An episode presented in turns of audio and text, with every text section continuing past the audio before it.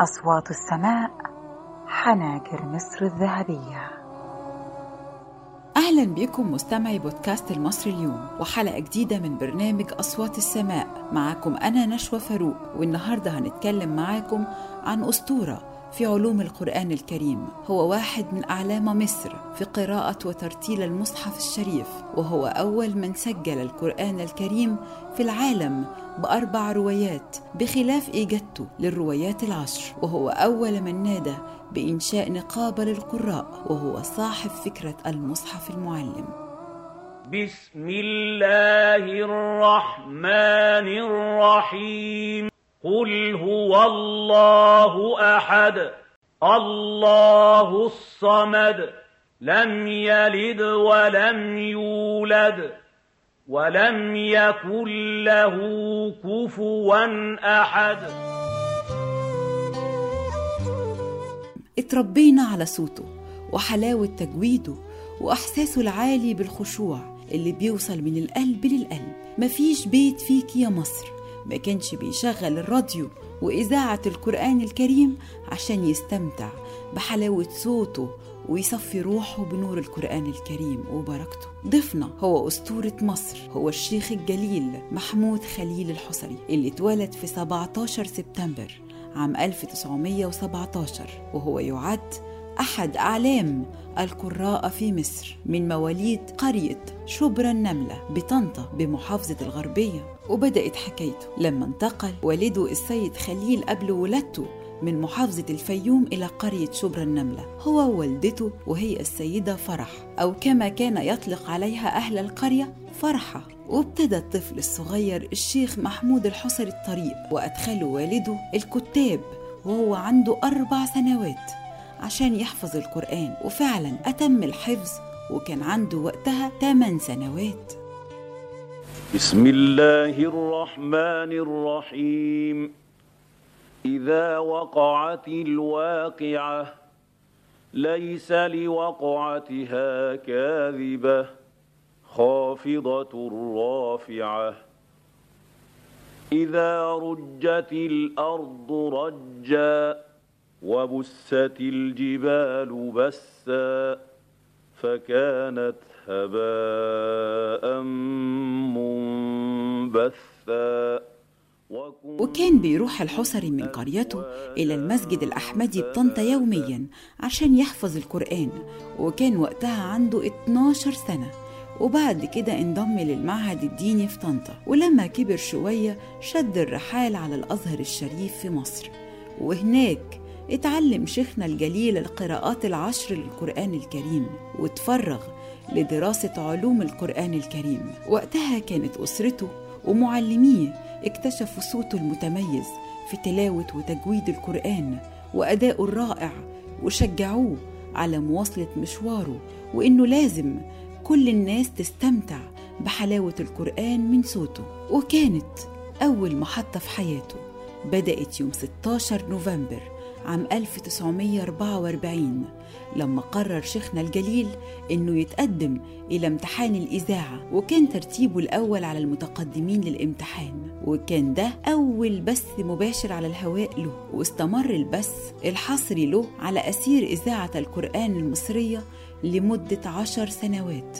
خطف فيهم قلوب الناس بحلاوة صوته. وبعد المسابقة حصل على العمل وعين شيخا لمقرأة سيدي عبد المتعال في طنطا. وفي 7 أغسطس عام 1948 وبعد كده صدر قرار بتعيينه مؤذنا في مسجد سيدي حمزة. وبعد شوية يوم 10 أكتوبر 1948 عدل القرار إلى قارئ في المسجد مع احتفاظه بعمله. في مقرأة سيدي عبد المتعال ليصدر بعد ذلك قرار وزاري بتكليفه بالإشراف الفني على مقارئ محافظة الغربية. الله أكبر الله أكبر. الله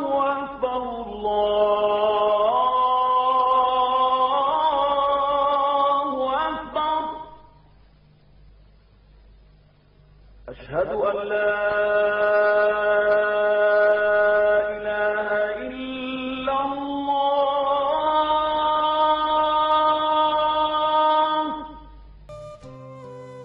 وانتدب شيخنا في 17 إبريل عام 1949 قارئا في مسجد سيدي أحمد البدوي في طنطا عام 1955 ووقتها ذاع صيته وبقى أشهر مقرئ للقرآن في طنطا. كل الناس بقت تستمتع بصوته العذب وحلاوة تجويد. وفي عام 1955 اترقى الحسري وعين قارئا لمسجد الحسين بالقاهرة. وكانت النقلة من وقتها حياته اتغيرت.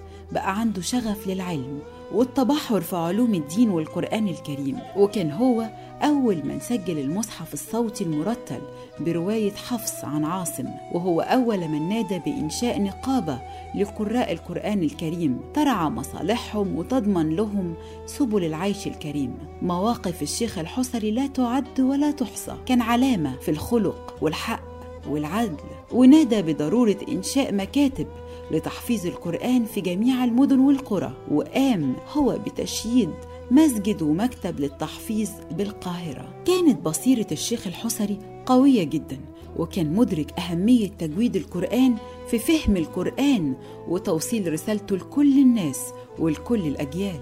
كانت القراءة عنده علم وأصول فكان بيشوف إن ترتيل القرآن بيجسد المفردات القرآنية. تجسيدا حيا وبيجسد معناها ومدلولها وتقربنا من الله. كان مؤمن كان مؤمن بأن ترتيل القرآن يضع القارئ في مواجهة عقلانية مع النص القرآني. تشعر القارئ له بالمسؤولية الملقاة على بسم عاتقه الله الرحمن الرحيم. بسم الله الرحمن الرحيم. الحمد لله رب العالمين. الحمد لله رب العالمين. الرحمن الرحيم. الرحمن الرحيم. مالك يوم الدين. مالك يوم الدين. إياك نعبد وإياك نستعين. إياك نعبد وإياك نستعين.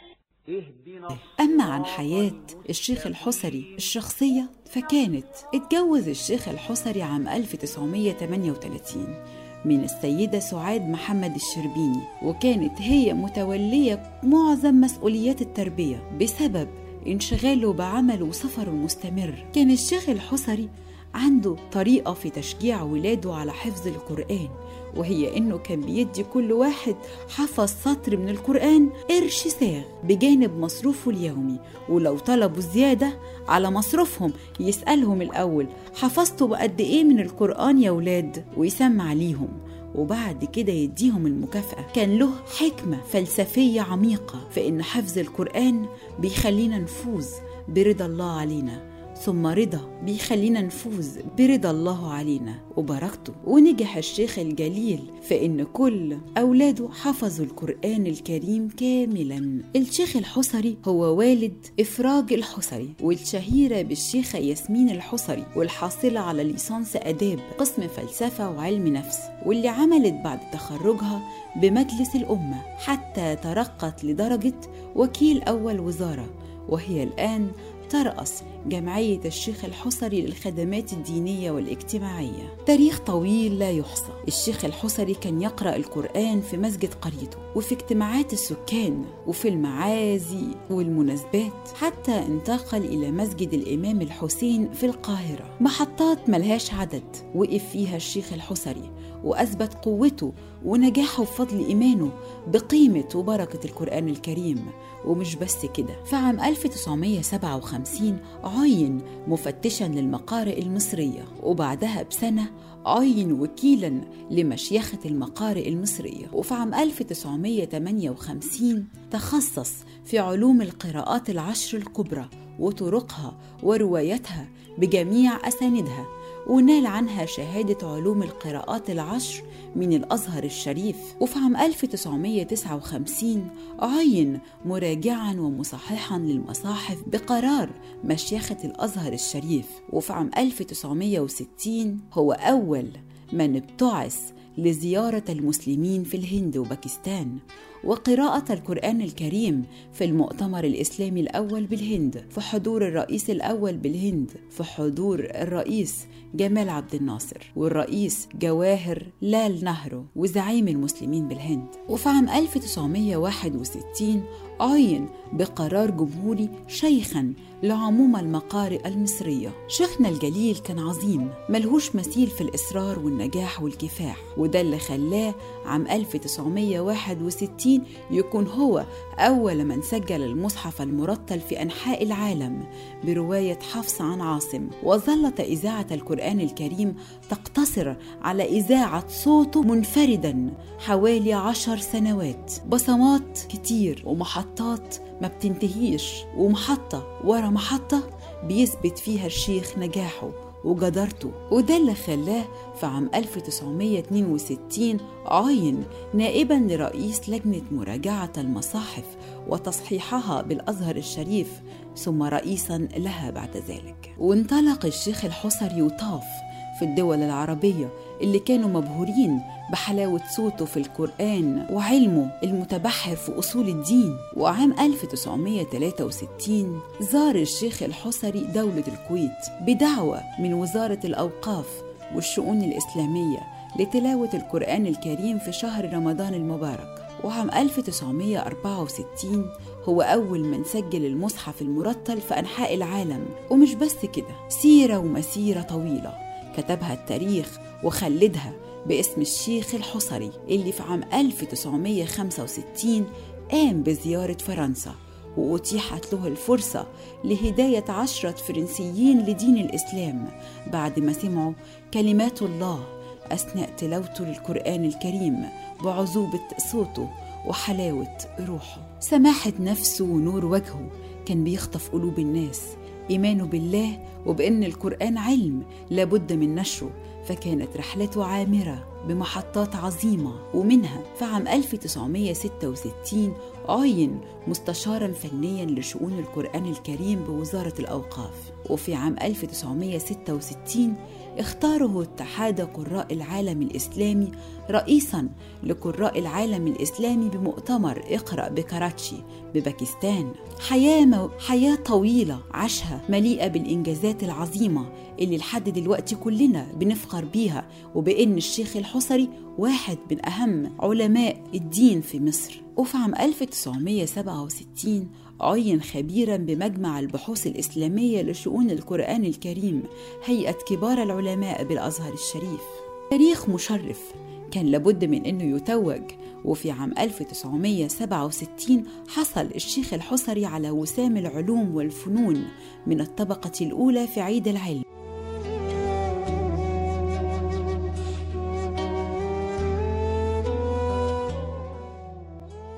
الكفاح والنجاح كان مبدأ الشيخ الحصري وده اللي خلاه عام 1969 يكون هو أول من سجل المصحف المعلم في أنحاء العالم بطريقة التعليم. وفي عام 1970 سافر الشيخ الحصري إلى الولايات المتحدة لأول مرة موفدا من وزارة الأوقاف للجاليات الإسلامية بأمريكا الشمالية والجنوبية.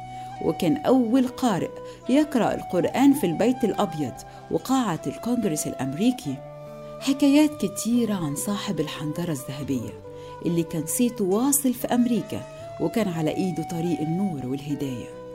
وعام 1973 قام الشيخ محمود خليل الحصري أثناء زيارته التانية لأمريكا بتلقين الشهادة ل 18 رجل وامرأة أمريكيين أشهروا إسلامهم على يديه بعد سماعهم لتلاوة القرآن الكريم غمرت دموعهم من حلاوة القرآن ودخل النور قلبهم ونطقوا الشهادة على إيدين شيخنا الجليل. الشيخ الحصري كان مدرسة علم في علوم القرآن وفي عام 1975 أصبح هو أول من رتل القرآن الكريم في العالم بطريقة المصحف المفسر أو المصحف الوعظ وفي عام 1977 كان أول من رتل القرآن الكريم في أنحاء العالم الإسلامي في الأمم المتحدة أثناء زيارته لها بناء على طلب جميع الوفود العربية والإسلامية اللي كانوا عاشقين لصوت وعذوبة الشيخ الحصري. ومش بس كده تاريخه الطويل ومحطاته ما انتهتش. ده كان في عام 1978 كان هو أول من رتل القرآن الكريم في القاعة الملكية بقاعة هايورد المطلة على نهر التايمز في لندن ودعا مجلس الشؤون الإسلامية إلى المدينتين البريطانيتين أمام الجاليات العربية والإسلامية وهناك اتفاعل جدا معاه الأجانب. وأحبوا صوته وعشقوه رغم إنهم ما كانوش عارفين معنى القرآن. كان إنسان دايما بيسعى وراء العلم. اتعلم أحكام قراءة القرآن الكريم والقراءات العشر من الشاطبية والدرة ومعالم الاهتداء إلى معرفة الوقف والابتداء والفتح الكبير في الاستعاذة والتكبير وأحسن الأثر في تاريخ القراء الأربعة عشر مع القرآن الكريم وقراءة ورش عن نافع المدني وقراءة الدوري عن أبي عمرو البصري نور القلوب في قراءة الإمام يعقوب والسبيل الميسر في قراءة الإمام أبي جعفر وحسن المسرة في الجمع بين الشاطبية والدرة. والنهج الجديد في علم التجويد رحلاتي في الإسلام. كلها محطات نجح فيها الشيخ الحصري بعظمة وجلالة وإيمان بأهمية قراءة القرآن الكريم ونشر تعاليم الدين وسماحته. رحلة طويلة المحبة وإيمان قوي. ما كانش بس قارئ للقرآن الكريم ولكن كان مؤمن بأن التجارة مع الله هي أفضل ختام للحياة. فكان حريص في أواخر أيامه على بناء مسجد ومعهد ديني ومدرسة تحفيظ بمسقط رأسه بقرية شبرا النملة. وكمان أوصى في نهاية حياته بالتبرع بثلث أمواله لخدمة القرآن الكريم وحفاظه والإنفاق في كافة وجوه البر. كان إنسان لا مثيل له وانتهت رحلة الشيخ الحصري وتوفي مساء يوم الاثنين في 24 نوفمبر عام 1980 بعد أداء صلاة العشاء. وبعد ما امتدت رحلته مع كتاب الله الكريم ما يقرب من 55 عاماً. وذهبت الروح الطيبة لبريها وظلت ذكراه وتاريخه حيا معنا حتى اليوم.